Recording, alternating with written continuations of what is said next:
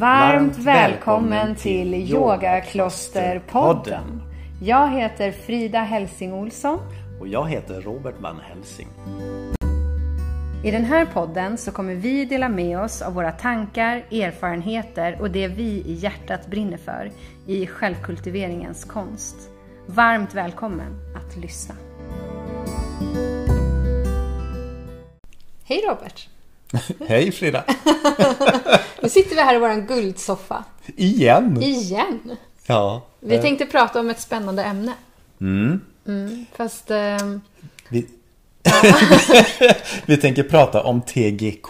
TGK. Ja. Men innan vi pratar mer om TGK så tänkte vi att vi skulle berätta om vår lilla zen-trädgård som vi håller på att anlägger ute i vår trädgård. Ja, men ja, precis. Från det ena till det andra. Det är ju spännande.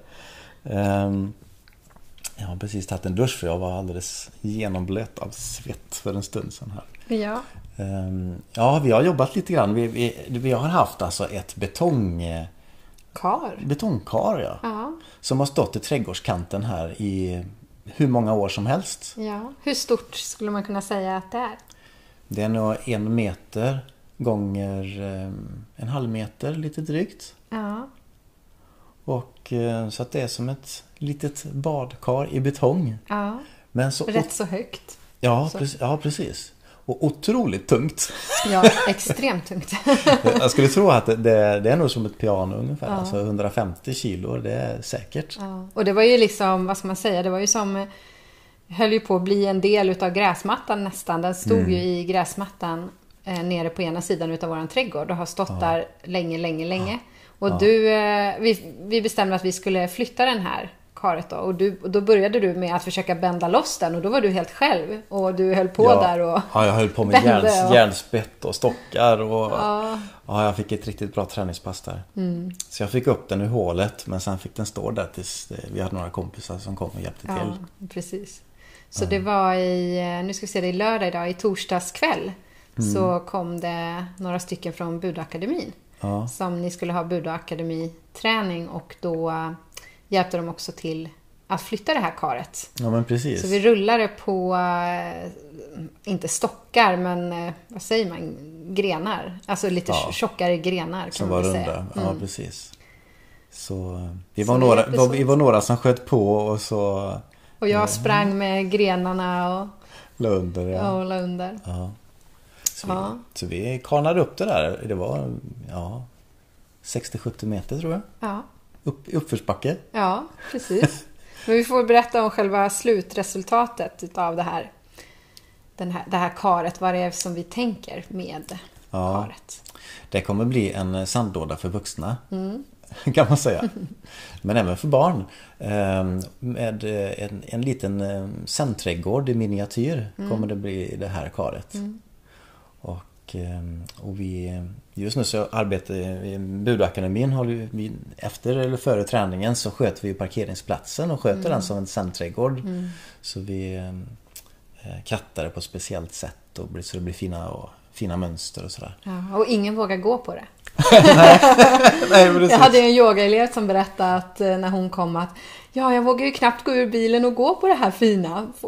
För att när jag var liten då krattade min farfar, eller eh, jag och min syster krattade åt min farfar. Mm. Och då fick man inte gå på det där sen när det var sådär fint. Nej. Men det är inte riktigt våran tanke. Nej, och du berättade att hon satt på krattan ja, också. Ja, precis. Bli... De, de bytte ju av då. En satt på krattan och den andra drog och så bytte de av när den som drog inte orkade längre för att tynga ner då. Så ja. att det skulle bli ordentliga spår. Det ett bra riv, ja precis. Ja. Nej, så att den här eh, vet det, betongkaret kommer bli en eh, sandträdgård i miniatyr. Ja.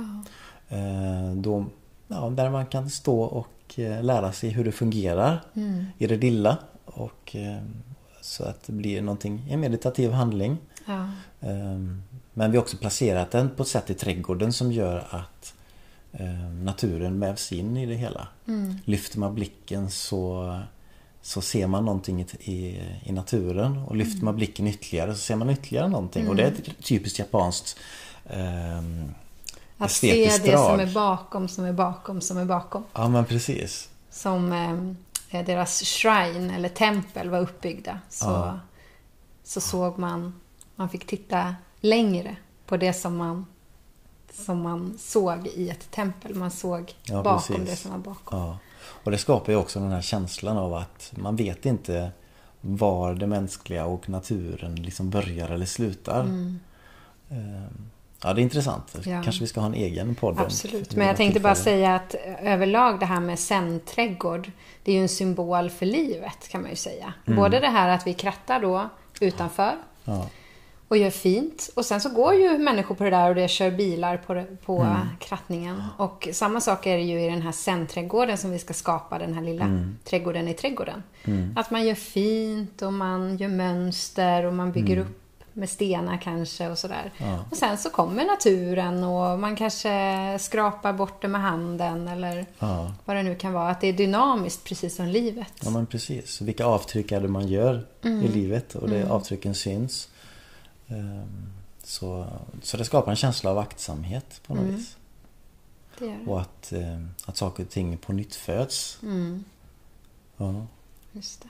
Ehm, Jag lyssnade på ett, ett, ett litet roligt klipp häromdagen där det var en, en centrädgårdsmästare som Mm. pratade om att barn brukar leka i sandlådan men eh, vuxna kan göra en centrädgård men Ja. egentligen är det samma sak. Ja, just det. Det är lite fördolt eh, för att man ska kunna Ja. leka.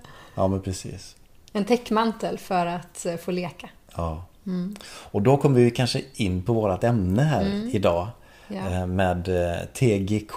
Precis. För det är väldigt lätt att saker och ting blir så allvarligt.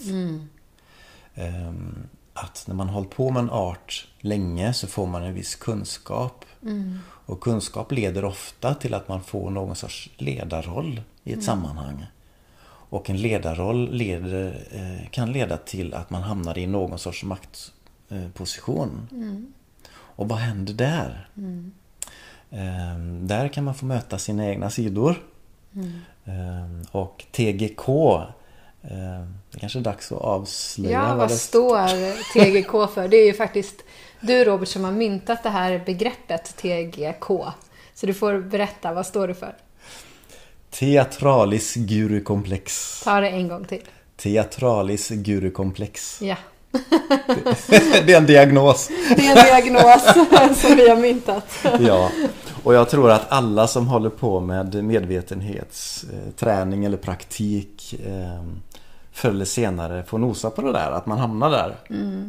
Eh, i, så att jag tror att vi alla har haft i olika sammanhang, sammanhang har haft någon känsla av, av den här diagnosen och någon sorts mått av det, teatralisk gurukomplex. Och det hjälper inte till om man är en intellektuell idealist. Med hybris. Nej, precis. Precis.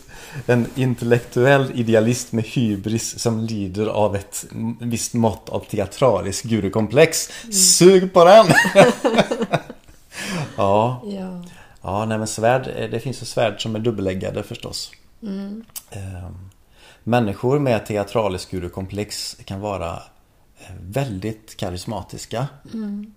Eh, Och det är, eh, kan vara väldigt underhållande. Eh, Jag älskar människor som har ett visst mått av teatralisk gurukomplex. För det är som att eh, sitta på teater. Det var det. ja. Och, ehm, Men det kan ju absolut gå för långt också att man använder sin position på ett felaktigt sätt. Man utnyttjar människor som har tillit till en. Och eh, också det här att man blir lite blind för eh, att vara ödmjuk kan jag tycka ibland. Man slår sig själv lite för mycket på bröstet och, eh, och kanske ser världen lite svartvit. ja, Att det finns ett rätt och ett fel. Och man har en slags klar sanning som... Det är klurigt med klara sanningar. Att man vet. Jag har ju träffat lärare som vet vad som händer efter döden. Till exempel. ja, Och eh, det är ju väldigt komplext när man möter sådana här människor. I mitt sammanhang i alla fall så hade jag väldigt mycket tillit till den här personen och dens kunskap och och då, och då blir det också svårt, och jag var rätt så ung också, och, då, och eh, det kan vara svårt att förhålla sig till, till vissa typer av eh, kunskap som någon säger att de, att de har. Mm. Som man, en person som man har tillit till och tilltro till. Självklara lärare. Självklara lärare. Mm. Ja. Vad tänker du då som baksida av det hela mer? Nej, baksidan ser jag ju är att eh, man kan utnyttja sin position på ett felaktigt sätt. Att, eh, Mm. att alltså en karismatisk person kan ju lätt få med sig människor i grupp eh, till att... Eh, alltså man kan ju dra det till sin spets verkligen med sektledare och så här som får med sig människor Mm. i, på olika sätt eh, att göra handlingar som de annars inte hade begått som, är, som kan vara kränkande för sig själv eller för andra människor eller Mm. skadligt på något sätt. Det är ju att dra det till sin spets vad det Mm. kan bli utav det. Var går gränsen då tänker jag? På, mellan att det är en sekt eller inte? Ja, det är ju en bra fråga men jag tänker, det var en lärare som sa till mig en gång, eller en, ja, en utav mina lärare som sa till mig en gång att det blir inte mer sekt än vad man gör. Eh, och det är ju väldigt intressant för man kan ju också, vara, man kan ju också bli väldigt hängiven någonting. Hängiven en tradition, en religion, en, eh, en art. Man kan bli hängiven en person. Ja. Och det är ju inte i sig någonting dåligt med det. Det kan ju vara väldigt fint. Man kan få mycket energi och man kan få hälsa, man kan få meningsfullhet utav det. Men, om, men om det blir skadligt på något sätt, då är det ju inte, då är det ju inte längre, lä- längre bra. Men det kan vara väldigt svårt att se också i såna här typer utav relationer. Det kan, behöver ju inte bara vara en, det kan ju även vara en parrelation tänker jag. Att man lever tillsammans med någon som tar sig själv på för stort allvar på något sätt. Eller? Ja, ja, Så det, det kan ju vara från, det, från den lilla relationen till den stora grupperingen. Mm.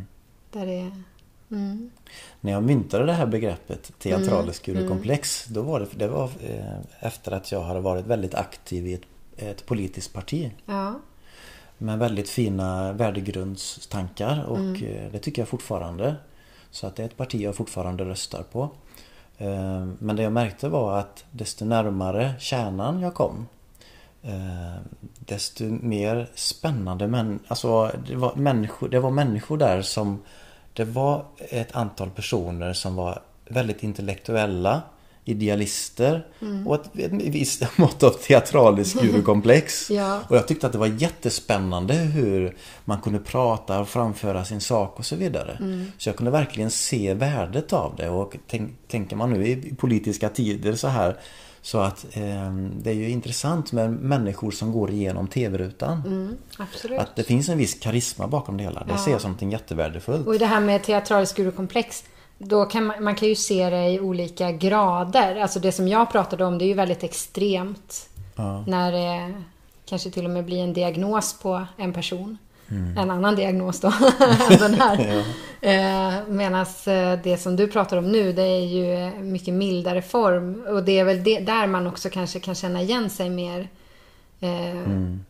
generellt sådär. Att alla människor har nog varit där Ja. eh, någon gång i, i sitt liv. Absolut, och jag, jag kände att jag själv var där till en Ja, viss del. jo, men det Alltså, finns ju en stolthet i det och en känsla av att man har kunskap. Ja, och man kan dela absolut. med sig av Ja. erfarenhet och man det kan bära det, fint. väldigt, bä, bära det väldigt starkt och Ja. bli, ja, bli hängiven i det. Hängiven, ja absolut. Ja. Men, men det, jag upp, det som jag tyckte var lite sorgligt i det, det var att eh, det jag upptäckte då i, i det här sammanhanget Mm. då. ehm, det var ju att det var några personer som ehm, bå, alltså, som från båda håll Mm. eh, hade samma förmåga.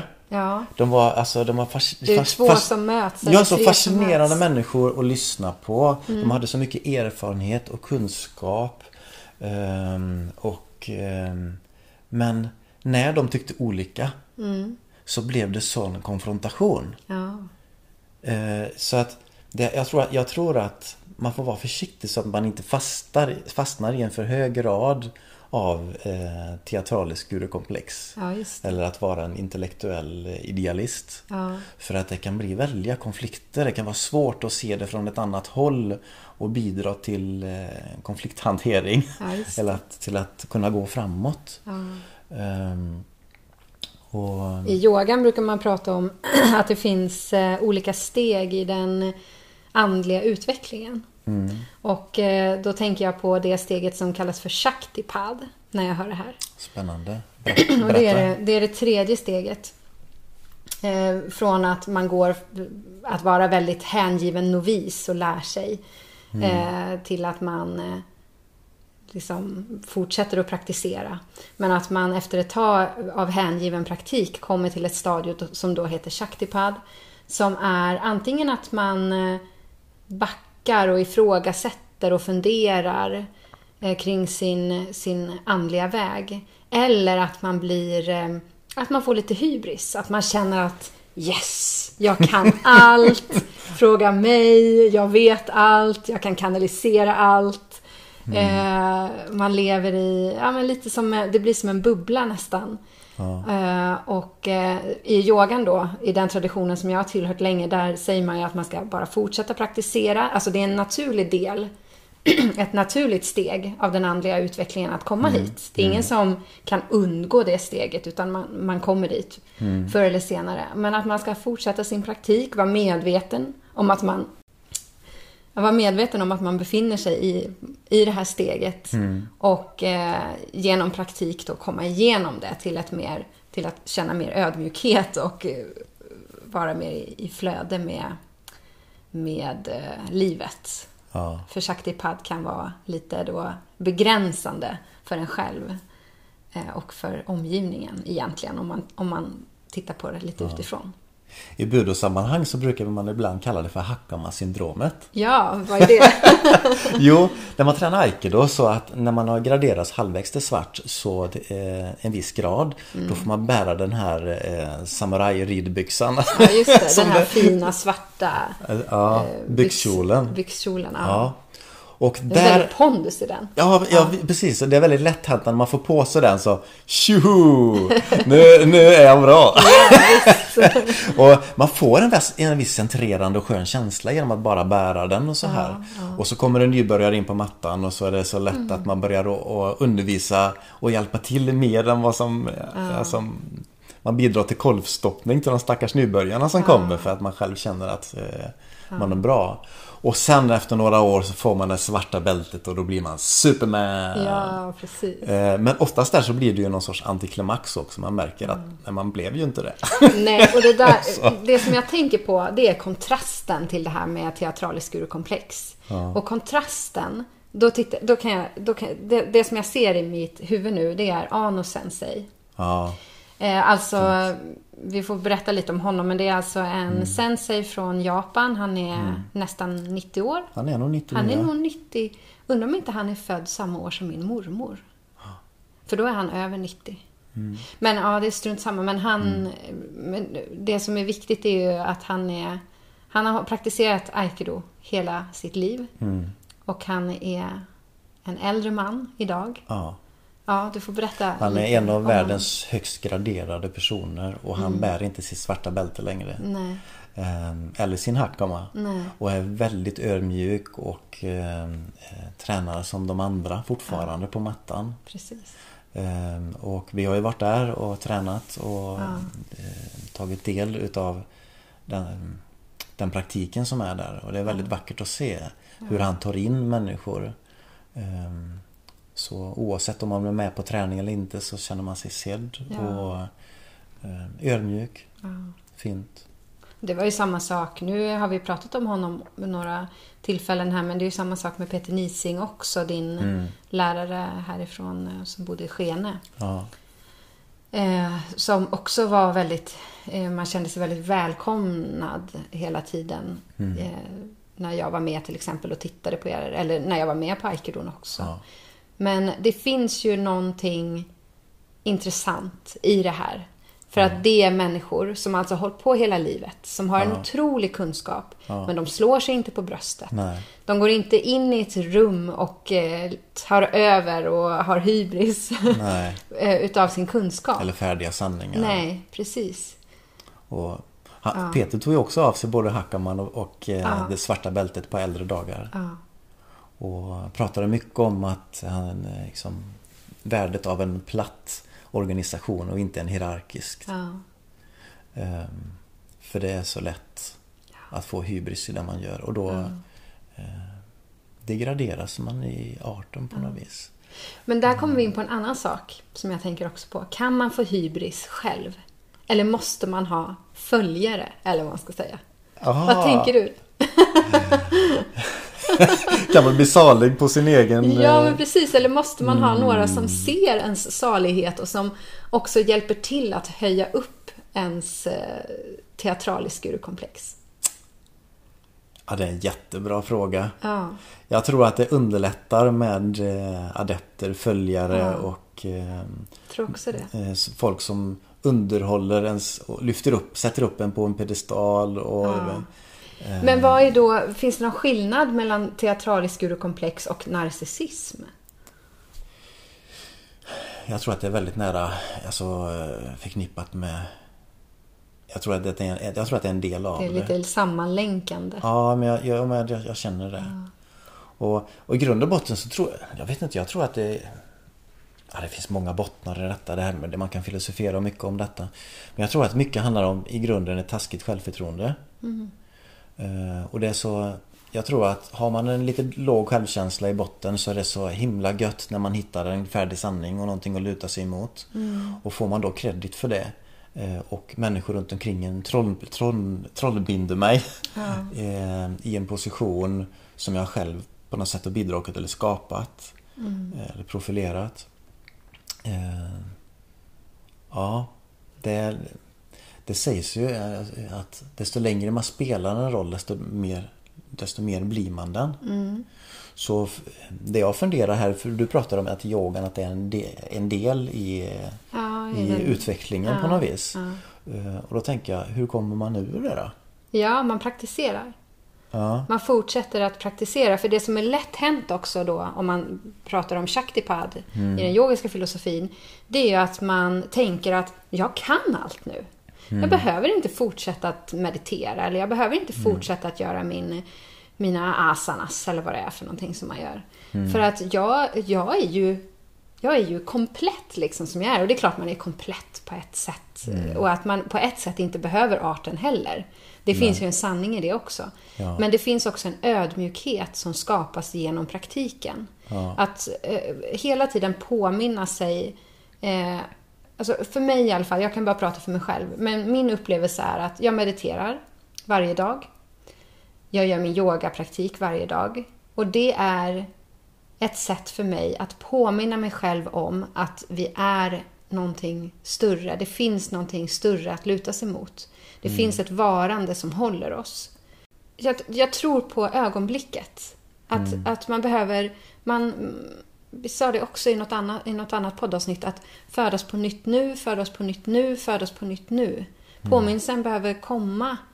Det är samma, alltså man tränar ju på, på allting. Man tränar på att vara i en relation, man tränar på Eh, saker som man...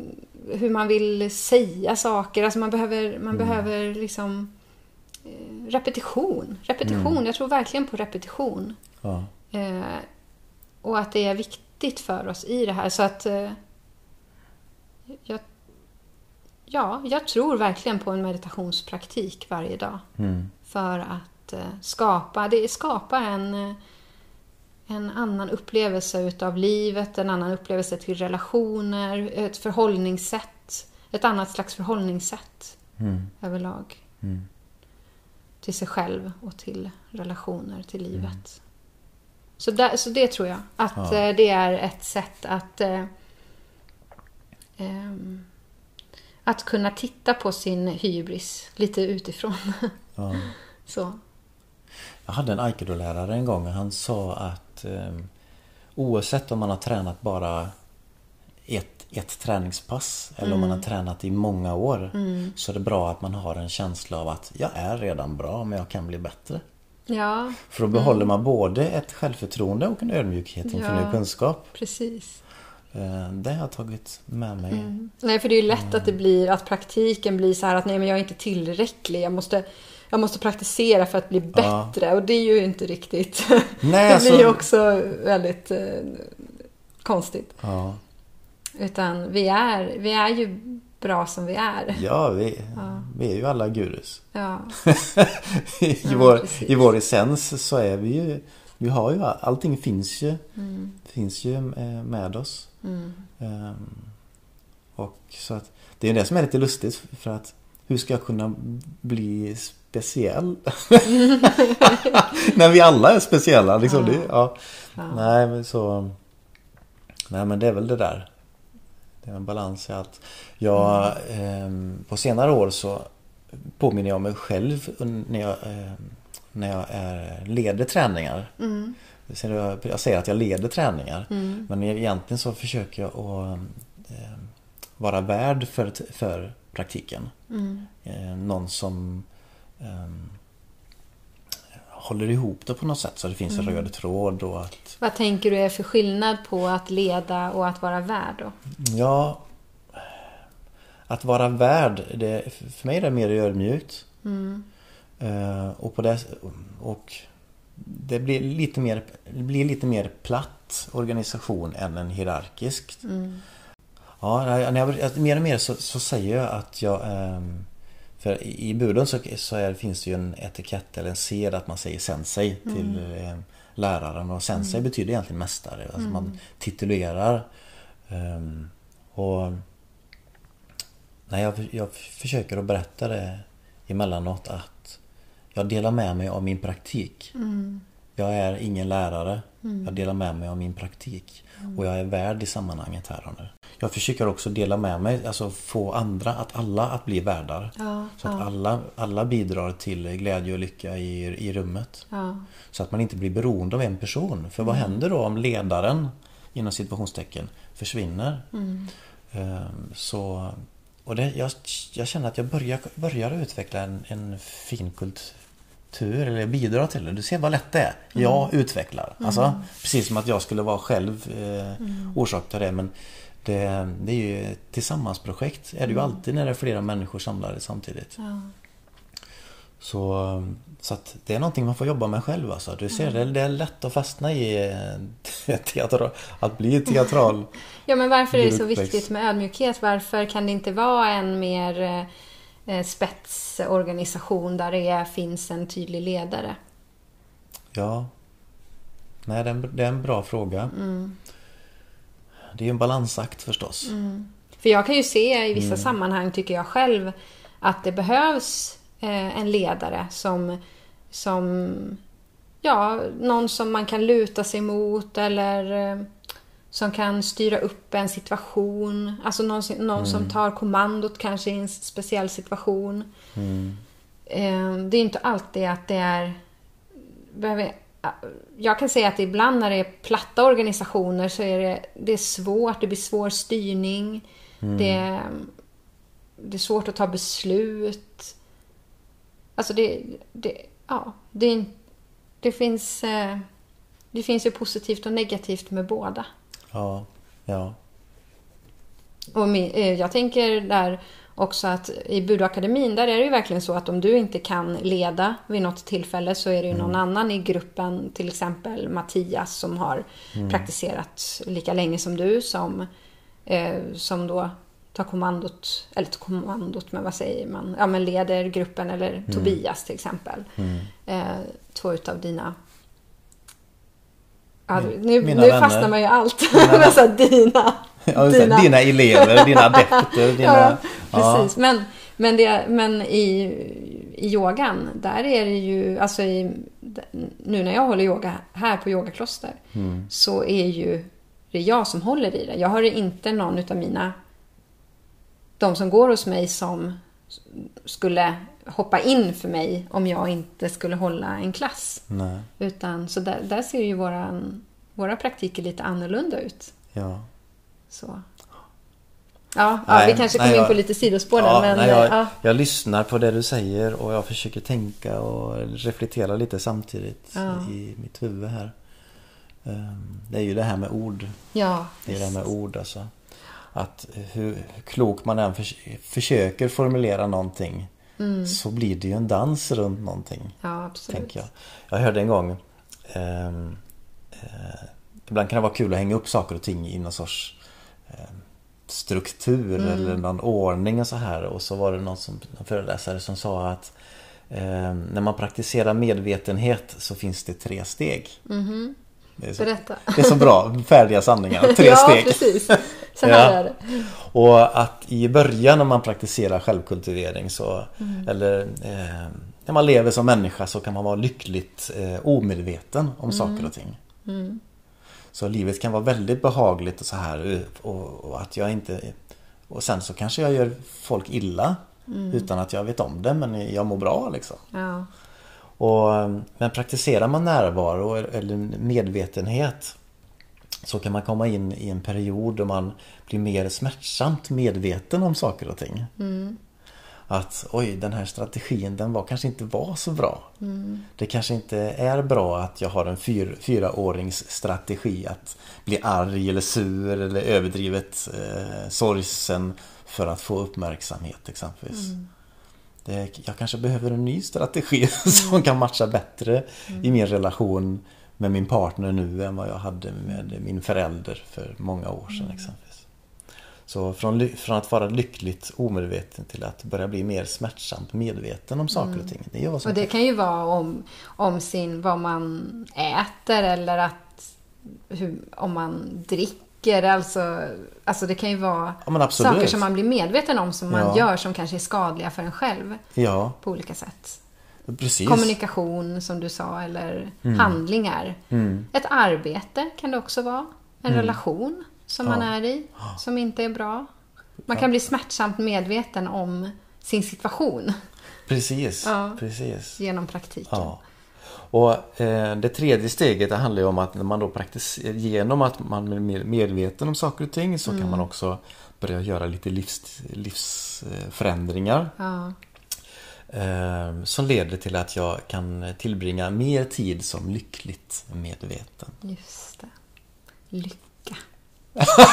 Ja, precis, precis. Lycka, det är det vi vill komma till. Och det här, det här tycker jag är så otroligt spännande för att när jag studerar olika gurus och förståsigpåare runt omkring i världen både i närheten och långt ifrån Ja. som jag tycker är så spännande och intressant Ja. så ser jag ibland den här orgasmliknande uttrycket i ansiktet ögonen glittrar och, och, och munnen sitter uppe vid öronen så här och så, jag ska se om eh, Alltså man verkligen går in i det, alltså man, man blir eh, Ja Vad jag själv skulle säga att man blir, alltså man gestaltar det här teatraliskt gurukomplex på en väldigt hög nivå så att man, liksom, man blir verkligen en roll man spelar. Det är som att man är i en, liksom en kontinuerlig ständig orgasm på något vis. Ehm, Och, och, och ja, är det det som vi vill uppnå, tänker jag? Är det det, det som... vore väl fantastiskt fint eller? Ja. Ja. Att vara då, är det, är det en sann lycka då? Ehm, är det det som man gestaltar? Att man är i... I, i yogasammanhang så kallas det för satpad. Okej. Där man är, harmoniserar med universum. Där man är ett i flödet. Ja. Ja, ja, men det är ju fantastiskt då. Men det, kan, det kanske, ja, alltså jag är inte man till att döma och veta vilket. För ibland så funderar jag på när jag ser de här, de här, det här uttrycket. Wow, det skulle jag också vilja vara hela tiden. här, salig på sin, he, på sin egen närvaro och sin, på sin egen röst. Och, Ja. och att man är helt rätt i livet i, i sitt sammanhang så här. Eh, och så den andra delen av mig tänker att eh, oj oj. Hur mycket lurar man sig själv där? Ehm, och, men det kanske bara är en spegling av för att jag själv inte befinner mig i det här eh, ständiga orgasmruset. Ja, alltså jag tänker faktiskt på ett inlägg som Björn Natthiko skrev för några dagar sedan på Facebook. Björn Natthiko är ju en, en man som vi har träffat genom att han har haft retreater hos oss på yogakloster.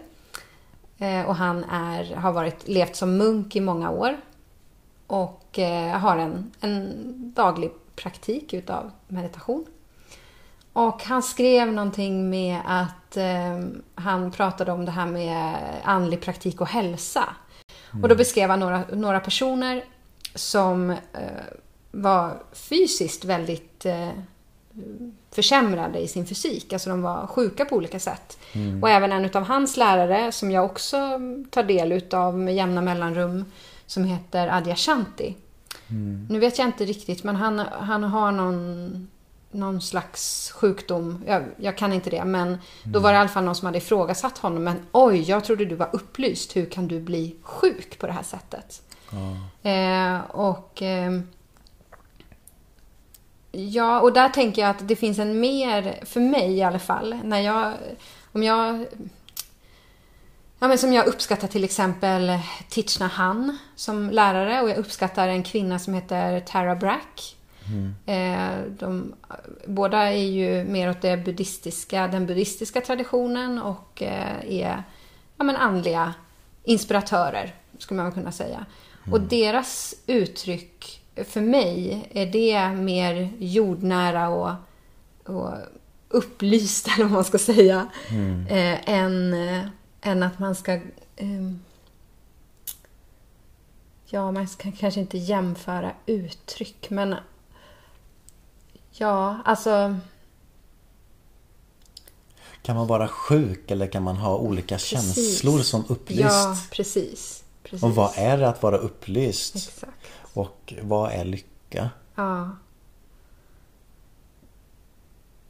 Ja. Precis. Det är så lätt, tänk, eller lätt, men att eh, det finns att man gestaltar eh, den här, det här, den här andliga utvecklingen på ett specifikt sätt mm. som är väldigt svårt att leva upp till. Mm. Och som inte för mig känns riktigt autentiskt. Nej.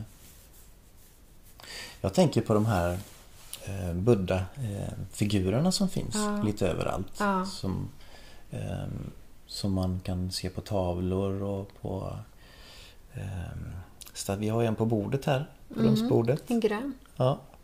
Och eh, ofta när man tittar på uttrycket på en Buddha så är det ett lätt leende som nästan inte syns. Mm det är inte det här orgasmliknande glädjen då, då munnen sitter långt upp över öronen utan mm. det, eh, jag tycker mig se att det finns någonting något avspänt, alltså en, mm. ett uttryck för sinnesfrid snarare än för eh, hysterisk lycka. Mm. Jag, jag, jag sa i morse på Budakademin, det, vi hade Budakademi-träning, det är lördag idag och det är som mm. ser att vi har Bud Akademiträning på morgonen och jag var med den här gången. Jag brukar inte alltid vara det. Mm. Men då i alla fall så lyfte jag bara ett citat från Thich Han som jag tycker är intressant. Han brukar säga ungefär så här att Smile, smile even uh, at your sorrows. That's uh, an act of freedom. Alltså le. Le även åt dina svårigheter. Det är uh, ett sätt att bli fri. Och det där är, tror jag är väldigt lätt att misstolka. Jag tänkte på det när jag sa det också i gruppen att mm. det här behöver man egentligen kanske ha en dialog om för att det är så lätt att misstolka det. För mm. att den sista meningen, det, det, är ett sätt att bli fri. Där är själva kärnan, upplever jag, i den ihopsatta, i, det, i, i den mm. tanken. Att det handlar liksom inte om att det här är ju min tolkning av hans eh, mm. undervisning. Mm. Men jag upplever ju inte att han menar att tänk positivt hela tiden och gå och vara glad åt allt. Mm. Utan det handlar mer om att om du kan le eh, det här är ju under liksom en praktik av meditation. Där man mm. möter allting i livet mm. i, i, meditationen. Och under den praktiken, om du också då lär dig att le, eller ler åt den smärta som finns i livet. Mm. Det, det, är då som du blir fri. Mm. För att det är så lätt att gå in i, i smärtan, det går in i det här jobbiga, gå in mm. i liksom i gyttjan och nästan Att man dväljas eldar upp där. den känslan. Ja, ja precis. Men när man kan... Men tänker du att man ska elda upp eh, alltså leendet då? Leendet är ju precis som på en buddha-figur. Det här lätta, mjuka leendet. Att man möter smärtan med den här ödmjukheten och med den här kärleken. Att, att, man, att, att man möter det med värme. Eh, och, och det är då, då blir man också fri istället för att djupdyka i smärtan. Du blir inte fri när du djupdyker ner i de här mörka gångarna i dig själv. Men de får gärna finnas, alltså smärtan får gärna vara där och, och komma upp. Men vi omhuldar smärtan med värmen, med leendet. Eh, med vår ödmjukhet under praktiken. Och, och det är alltid så att man, eller alltid så, men jag tänker ju att praktiken, det är ju en del utav livet och den speglar ju också vardagen. Så att när vi lär oss det, liksom under praktiken, det vi lär oss, det kan vi också ta ut i våran vardag och praktisera i vardagen. Det är ju Alltså sadhana, när man pratar sadhana, den and, eh, yogiska praktiken.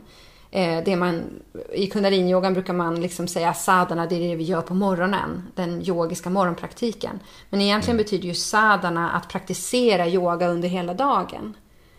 Och det är ju inte fysiska övningar man praktiserar, utan man praktiserar ju yoga, eh, filo, filosofin yoga som är mycket större än bara de fysiska övningarna.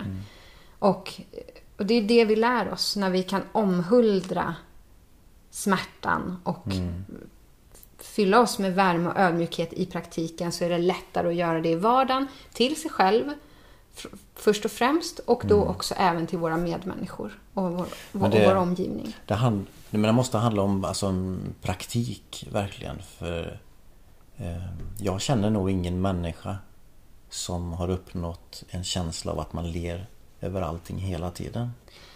Det är ju inte leendet som vi upp... Alltså det är ju inte, nu tänker du ju leendet som någonting, en... Mm, Någonting som jag ser. Ja, precis. Men det här är ju mer att man möter människor med ödmjukhet och värme. Alltså praktiken är ju till för att skapa det mötet i alla möten. Med sig själv och i alla möten genom livet. Att, att bli en eh, människa som, eller att bli, men alltså att eh, praktisera, att praktisera ödmjukhet, kärlek och värme till sin omgivning. Det är det det handlar om. Det är det som leendet står för och det är det, så, i alla fall för mig, så re- representerar buddha-figurerna en påminnelse om det. Eh, det, det leendet som buddha-figurerna har, eh, det är för mig den värmen som jag vill försöka att möta människor med så ofta jag bara förmår. Det är inte alltid jag kan det. Känslorna tar eh, ibland överhand och jag säger någonting dumt eller jag blir arg eller vad det nu kan vara. Och det är inte fel, men, men eh, om vi ska skapa en värld där vi är mer trevliga mot varandra och där det finns mer kärlek och värme så behöver vi ju börja praktisera dels med oss själva med den inre dialogen mot oss själva och den yttre dialogen mot våra medmänniskor. Att man sätter sig i ett sammanhang där vi, där vi har en sangat. Där vi är eh, en community där vi, där vi ska värna om varandra. En hel värld som ska värna om varandra. Och man får börja i det lilla. Ja.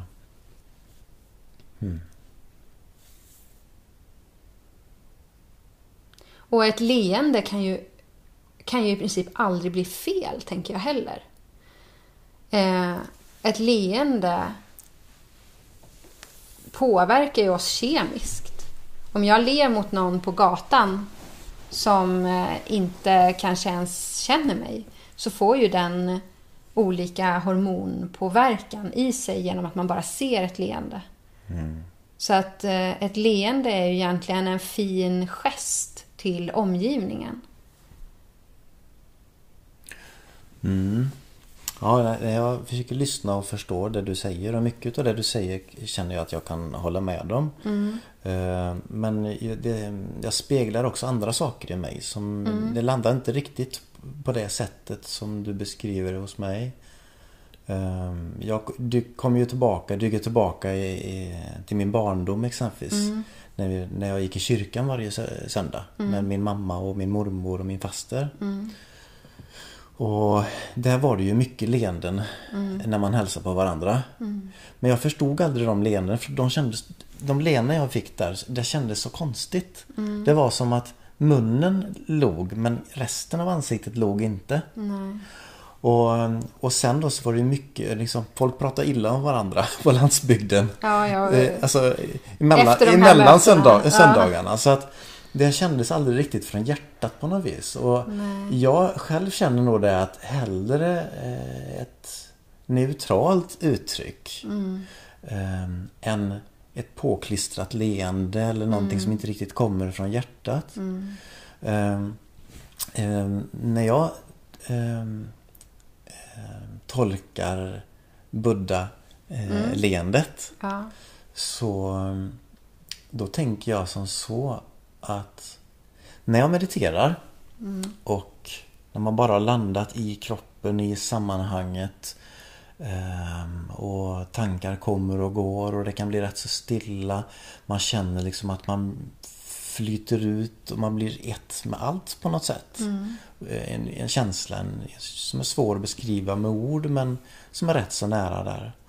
Och då kan jag känna att där är jag inte ensam. Nej. Utan där är allting connectat med allt. Mm. Och i den känslan så, eh, kommer med automatik en känsla av ja, som jag skulle beskriva det som sinnesfred. En känsla mm. av ah, Men kan lite, du... lite sådär. Kan du känna att du kan ta med den upplevelsen i mötet med andra? Både och. Ja. Eh, det beror på hur mycket livet eh, utmanar mig. Mm. Att många gånger eh, så kan jag känna att jag har den här balansen och att jag kan ha en aktsam och en sinnesfridskänsla med mig i både i sysslor, i mötet med andra och i olika saker som händer i mig. Men när det blir lite för mycket mm. Där känner jag att det, då blir det svårt att praktisera och där skulle mm. jag inte välja att hm, hi, hi, hi, nu ska jag le. Mm. så, utan där skulle jag nog acceptera, alltså jag svär ju ibland. Mm. Jag kan ju liksom pusta och stöna ibland när jag tycker att någonting är jobbigt så här. Mm. Men det är väldigt sällan som jag är långrandig. Mm. Utan att få en nattsömn eller det går en stund så ah, då är jag tillbaka till den här goa känslan 37 grader i kroppen och en känsla av att och att eh, faktiskt vara eh, ja, ett med allt på något vis. Mm. Det låter flummigt men det är, lite, det är mycket av den känslan som jag bär med mig som jag tror att jag har. Som kommer ifrån meditationen och från mm. min budoträning. Jag tänker också att jag uppskattar verkligen eh, eh, det autentiska. Att människor kan säga vad de tycker och vad de känner och att man också visar känslor. Mm. Eh, och jag uppskattar det hos mig också mer och mer. Jag har ju varit eh, vad ska man säga, men jag, jag, har känt mig kanske lite fången utav en eh, andlig praktik under en period. Mm. Där jag, där jag liksom, eh, vet inte riktigt, men, men eh, kanske känt att jag behöver eh, vara på ett sätt som jag, som jag inte kan riktigt relatera till. Så här. Och sen när man sjunker tillbaka i sig mm. själv och får vara bara som man är, då känner man en väldig frihet liksom i det. Så jag tror mm. verkligen på det autentiska uttrycket, men jag, men jag tror också på ödmjukhet till andra människor och att, mm. att, att öva ödmjukheten. Mm. Och, att, och att man övar den genom till exempel meditationspraktik. Och, att, mm. och liksom det är lättare för oss om, eh, om jag är i naturen eller jag har suttit och mediterat och landat i kroppen så är det lättare för mig att eh, möta svårigheter i livet som uppstår under den dagen till exempel. Någon stressad situation eller så. Det är lättare för mm. mig att möta det då med eh, lite större perspektiv. Än om jag är liksom låst i kroppen, jag har bara suttit framför en skärm hela dagen. Jag har inte fått tillräckligt med vatten vatten, jag har inte varit, jag har inte andats ute, jag har inte fått sol på mig och så vidare. Där blir jag mer låst, stagnerad i min energi och där är jag också lättare att ta, ta, ta till ilska eller frustration eller så här. Eh, men självklart, jag menar, det är också någonting som finns hos oss som människor. Det är en del utav oss att det är en del utav att vara människa, att ha de här känslorna. Men jag tror att vårt samhälle skapar också miljöer där vi, eh, liksom, vi blir så hårt pressade i vissa miljöer, som är arbetssituationer till exempel. Att det är väldigt svårt att hitta den här grundkänslan av mjukhet och värme och kärlek till andra. Utan man är i en stressad, pressad situation. Det är möte efter möte eller det är Ehm, det är trafik som är hektiskt eller vad, vad det nu kan vara. Så att det, där, blir det, där blir det lättare att ta till de här eh, snabba känslorna som ligger liksom oss nära när vi blir stressade. Ja. Så att, eh, ja. Ja, jag tänker på att det är nog lättare att vara i, i balans om man har ett sammanhang som är i, i balans. Visst. Ehm, och jag vet ju om att det finns um, alltså självkultiverare som väljer bort både familjemedlemmar och, ehm, och andra människor för att, de, för att man tycker att de människorna är på en lägre nivå eh, som eh, som bidrar till att man tappar sin balans eller sin energi. Att de skulle eller... dränera en på Ja. sin andliga energi, uppbyggda andliga energi på något sätt. Ja, och ibland så pratar man ju till och med, man sätter ord på det. Som att, eh, ja men eh, Människor som tänker eller tycker eller känner så här, ja men de är i 3D. Men vi som är bra, vi är vi, vad är det, 5D, eller 7? Ja, ja just det. Och nu, Eller nu, kanske ännu mer. Ja, nu är det uppdateringar på gång ser du.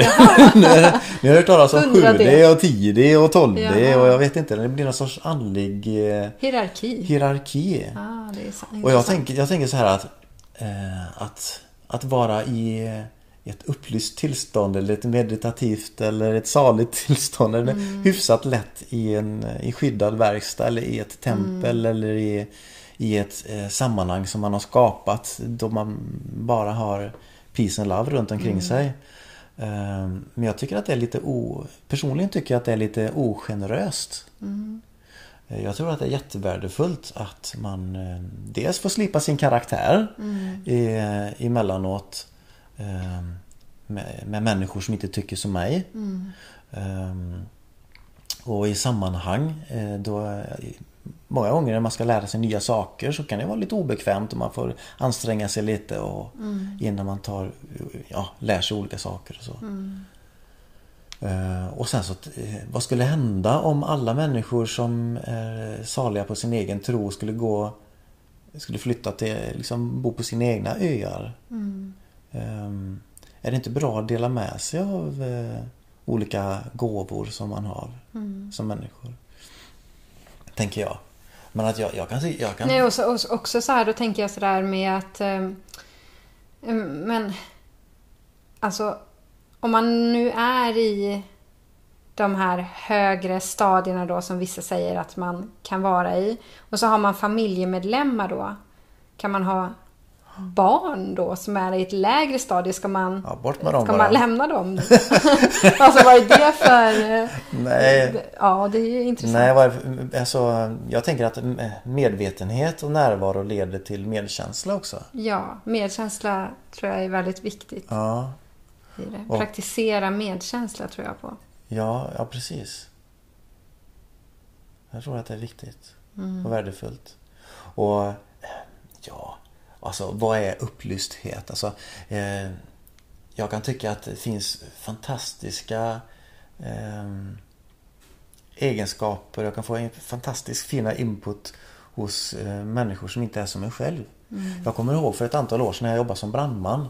Och så en gång om året så åkte man på, brand, på eh, båtövning. Ja. Och jag visste inte, jag, jag tänkte liksom, ja ska vi åka på båtövning nu? Ja, vad var intressant. Då det, då är det nog livräddning i vatten och sådana saker. Men det visade sig Det visade sig att nej, då var det lite, då hade man några festliga dagar i en segelbåt och de flesta drack sprit och de var glada och liksom och blev, blev fulla och, och det skulle ut och festas och det skulle, man tittade på fotboll i båten, alltså så här. Och det jag, upp, liksom, jag dricker inte alkohol och jag har aldrig varit full. Mm, jag kan nej. inte skryta med det tyvärr. Eller bra, jag vet inte. Och, eh, men jag tyckte att det var, det var jättetrevligt. Vilken energi det var. Mm. Och jag är inte så intresserad av fotboll men där var det jätteroligt när folk tjoade och kimmade, kiade mm. och, vet du, och skålade. Och, ja! Det, mm. så här. det fanns en energi och, och det som var roligt var ju också att jag kände mig... Jag, jag drack ju juice och mineralvatten. Mm. Ehm, och de, genom att jag respekterade och accepterade det de gjorde så kände jag att jag fick en väldigt stor respekt tillbaka. Mm. Och gud vad kärlek jag fick när de blev lite fulla. Mm. Åh Robert, du är så bra! kan man alltid prata med. Du lyssnar alltid. ja, jag har nog aldrig fått så mycket kärlek som jag fick eh, mina brandbandskollegor när de fick ge sig lite alkohol. Mm. Och jag kände att jag liksom värnade om dem så att när de skulle gå på, gå på båten så att inte de trillade, i, mm. trillade över kajkanten och jag hjälpte dem och du vet lite mm. så här och, och Så nej. Fast det, det som jag tänker på när du pratar om det där det är att det jag kan känna ibland eh, som till exempel, vi, jag, vi har, jag är med i en kvinnocirkel. Mm. Eh, och den cirkeln har jag och en vän till mig skapat för att vi vill eh, skapa ett sammanhang för eh, kvinnor som har en andlig praktik, som är jordnära kvinnor med en andlig praktik, där vi kan ha en gemenskap, där vi kan liksom dela med oss och förstå varandra. Vilket är jättetrevligt, så vi har så fina träffar. Men det jag mm. tänker på, det är att i vissa sammanhang, eh, när jag träffar människor som då inte har en Ja, jag vet inte vad man ska använda för ord, men om man säger att de inte har en andlig praktik, eh, utan de... Eh, ehm, ja, de man, man, mediterar inte till exempel. Eh, vilket inte behöver vara fel. Men det jag kan känna ibland, till exempel om man är med människor som blir fulla, eller mm. människor som blir för hårda i tonen, eller bara människor mm. som bara tar plats. Med, som inte liksom har nått, någon känsla för att någon annan mm, ska ha någon plats i ett sammanhang, till exempel runt ett mat, när man sitter och mm. äter och den personen mm. bara tar plats med sin röst och med sin kroppsspråk och den bara ja. timme efter timme håller en låda. Mm. Och, och eh, finns inget utrymme för någon annan att berätta någonting eller Nej. säga någonting. Där kan ju jag känna då, om man ska prata om det här med, att, eh, med medvetenhet eller inte, då kan jag ju tycka att Nej, det är rätt så skönt i den här kvinnocirkeln. Där, mm. där alla försöker ge varandra utrymme, man tittar varandra i ögonen, man är vänlig, vi mm. dricker ing, inte någon alkohol, vi blir inte berusade, vi, vi, mm. vi, vi har liksom fina sammanhang i naturen där vi liksom tar del av varandras berättelser och utav att bara vara och så här. Och där mm. känner jag ju att det är väldigt skönt att landa. Mm. Jag, jag har jag kan absolut tycka som du att visst, det är viktigt att man på ett sätt slipar sin karaktär och ska man bara leva i en skyddad verkstad, vad det nu är, för jag vet inte om mm. det finns någon skyddad verkstad i våra i våra mm. samhälle, för jag tror inte ens, alltså även om man skulle bo i ett kloster så är inte det någon skyddad verkstad på det sättet, utan man har fortfarande utmaningar i livet. Mm. Det är inte så att alla utmaningar försvinner för att man blir nunna eller eller munk, liksom, nej, tänker nej. jag. Utan var man än är någonstans så har man utmaningar. Mm. Men... Eh, ja, men där kan jag väl eh, på ett sätt eh, känna igen mig då i den, i den här tanken att det faktiskt är rätt så skönt att vara med människor som på något sätt praktiserar mm. eh, meditation eller något, något, något, mm. någonting.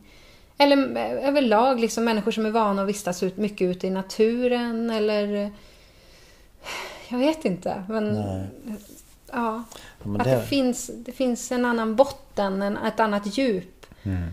Eh, men det kanske är att man delar intresse. Det kanske är så enkelt. Att man delar samma intresse, att det inte är någonting mer än det. Men mm. Överlag kan jag känna, känna att jag ibland blir less på eh, den omedvetenheten som jag upplever hos vissa människor. Att, och det är ju inte särskilt mm. ödmjukt. Och där, där kanske liksom Kanske jag behöver hänga mer med dem då. att, TGK. TGK, ja precis. Teatralisk Så att, Ja, men där kanske jag har lite teatralisk urkomplex då. Ja. Men eh, rent, jag känner det rent i nervsystemet. Ja. Så kan jag känna att nej, men det är behagligt att vara Ja, men som till exempel på våran midsommarafton som vi hade här. Ja. Det var så behagligt, det var så fint. Vi hade några vänner här och de med sina barn. Och Det var så avslappnat och man kände sig fri som, som person. Det här med att känna sig, att få vara den man är i ett sammanhang. Ehm, och få, och få, och få plats och ge andra utrymme. Det, det, det är väldigt fint alltså. Det är speciellt. Och jag tror också att vissa människor aldrig har upplevt det. Nej. Att vissa människor har aldrig känt den känslan utav att det finns utrymme, att de bara får vara, att man får släppa taget. Det är kanske är därför som det ofta är alkohol i, i, i vissa festliga sammanhang. Ja. Så. Eller, ja. Ja, ja det Ja, det- finns... eh, Det är intressant. Mm, ja, men det är det. Ehm, ja, vi kanske ska göra lite reklam för våran eh, film. Ja! Våran gurufilm som vi har gjort. ja, precis. Ja, det är en bland de roligaste filmerna vi har gjort. vi har ju en YouTube-sida, eh, Yogakloster, på YouTube. Och där lägger vi ut allt möjligt. Jag har lagt ut väldigt mycket eh, klasser, alltså yogaklasser och meditationer. Nu ligger ju, det, det nya materialet ligger ju på Yogakloster online. Vi lägger inte ut så mycket eh, yogaklasser och meditationer på, på, på vår YouTube-sida längre. Men det ligger det ligger lite äldre klasser där och sen så har vi eh, sånger, vi har mantran, vi har eh, allt möjligt fint. Och sen har vi den här gurufilmen som är väldigt rolig. Ja, precis. precis. Eh, så att ja, vi kan väl bara säga så, så får man gå in och titta på den. Man får söka på det. Man, man får får gå in på på. Youtube och så får Ja. man skriva Gurufilmen. Då ja, kommer den då upp. kommer man dit. Det är eh, vår version på Kappsång. Ja, just det. Ja. Ehm. Ja, Ja, där är jag i mitt esse som eh, teatralis gurukomplex. ja verkligen. ja, den, ja. Ja. Ja, kontrollera dårskap tänker jag på. Mhm. Att, ehm, jag, jag går ofta in i den här rollen eh, av att vara en eh, teatralisk gurukomplex. Du gillar det lite? Ja, men jag, jag, tycker om det. För det, eh, för det skapar lite magi och lite energi. Ja. Att eh, nu så ska ni få känna på det här.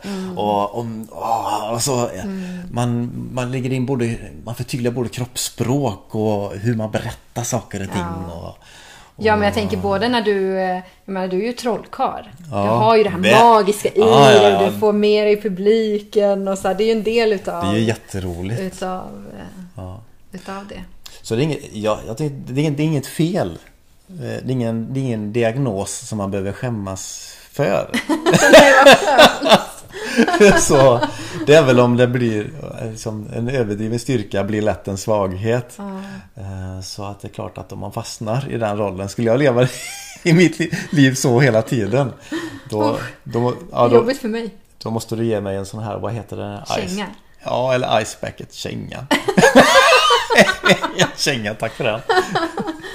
Kallvatten är bra här. Kallvatten. Ja. Okej, kallvatten. Ja, precis.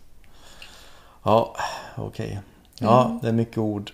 Från eh, lyckligt eh, Från lyckligt eh, omedveten till smärtsamt medveten till lyckligt medveten om att ord endast är en dans runt någonting som kanske egentligen är obeskrivligt. Mm.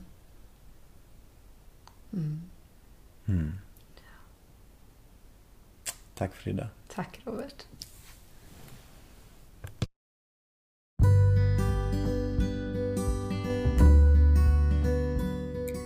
Varmt välkommen till Yogakloster. Online eller på plats.